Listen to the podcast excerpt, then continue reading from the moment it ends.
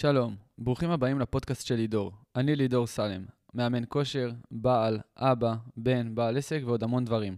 כל פרק אני אשתף איתכם דבר אחד שלמדתי בעולמות בהם אני חי, שזה עולמות הכושר, התזונה, הבריאות, עסקים, ספרים, התפתחות אישית ועוד.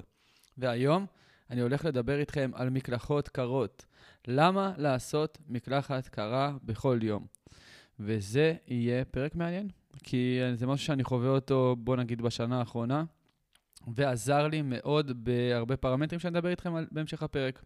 אז קודם כל, אני שם את זה על השולחן, שיש הרבה דעות סביב מקלחות קרות, ואין הרבה מידע מחקרי. יש הרבה דעות, ולא הצליחו להוכיח הרבה דברים בצורה מחקרית, אבל אני משתף אתכם מהניסיון שלי, אה, כאחד שעושה את זה, בוא נגיד, כמעט באופן קבוע בשנה האחרונה, ואני חושב שזה דבר מדהים.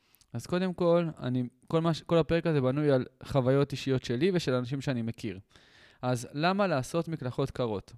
קודם כל, והסיבה הכי חשובה, זה לצאת מאזור הנוחות.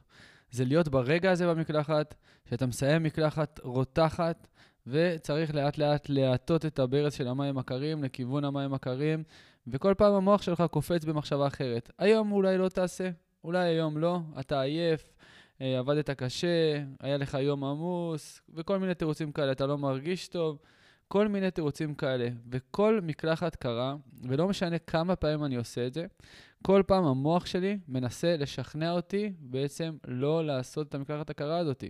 ואני מת על זה, כי זה באמת שלב שבו אתה מרגיש שאתה צריך להילחם כדי לעשות את זה, אבל ברגע שאתה מסיים את המקלחת, אתה אומר, וואו, אתה יוצא בהרגשה מטורפת. אז קודם כל, יציאה מאזור הנוחות, לעשות דברים שלא בא לך לעשות. הדבר השני זה מפתח חוסן מנטלי.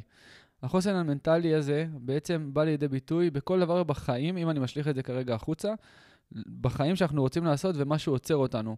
אנחנו יודעים שיש הרבה דברים שאם אנחנו נעשה אותם, הם יקדמו אותנו בצורה משמעותית, ואנחנו בכל אופן דוחים אותם. ויש לזה הרבה סיבות, אבל לרוב זה חסמים מנטליים. ובעצם זה מפתח חוסן מנטלי.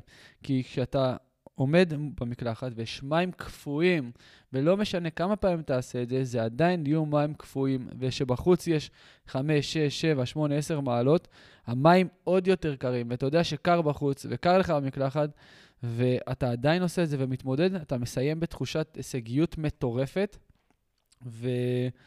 אתה מרגיש שוואלה, התגברתי, ואני יכול לעשות דברים שלא נוח לי לעשות, ואני מצליח לעשות אותם.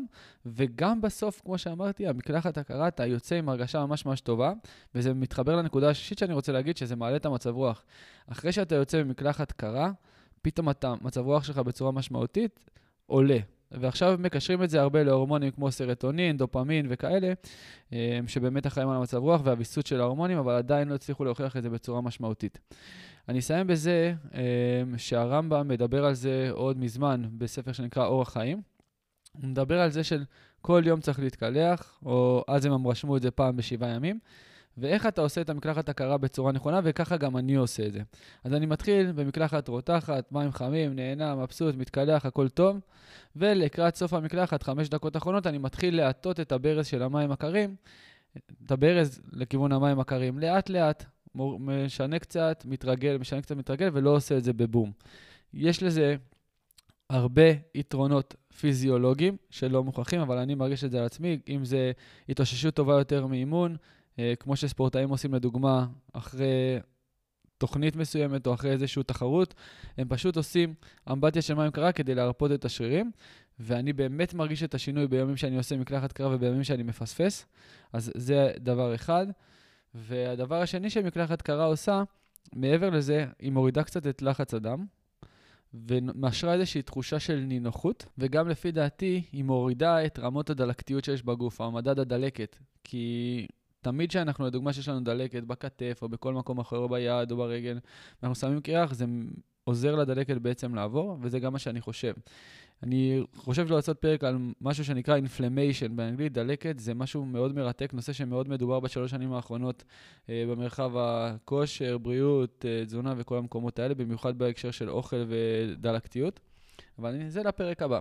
אז חברים, אני מציע לכם וממליץ לכם לעשות מקלחת קרה אחת ביום, כדי לפתח את החוסן המנטלי שלכם, לצאת מאזור הנוחות, להעלות את המצב רוח ולצאת לתקוף את החיים. אז היה לי כיף להיות איתכם כאן היום. אם קיבלתם ערך מהפרק הזה, אני מזמין אתכם לשתף אותו עם אנשים שאתם אוהבים, וגם עם אנשים שאתם לא אוהבים. ואם לא תשתפו, עדיין אוהב אתכם. אני הייתי לידור, ונתראה בפרק הבא.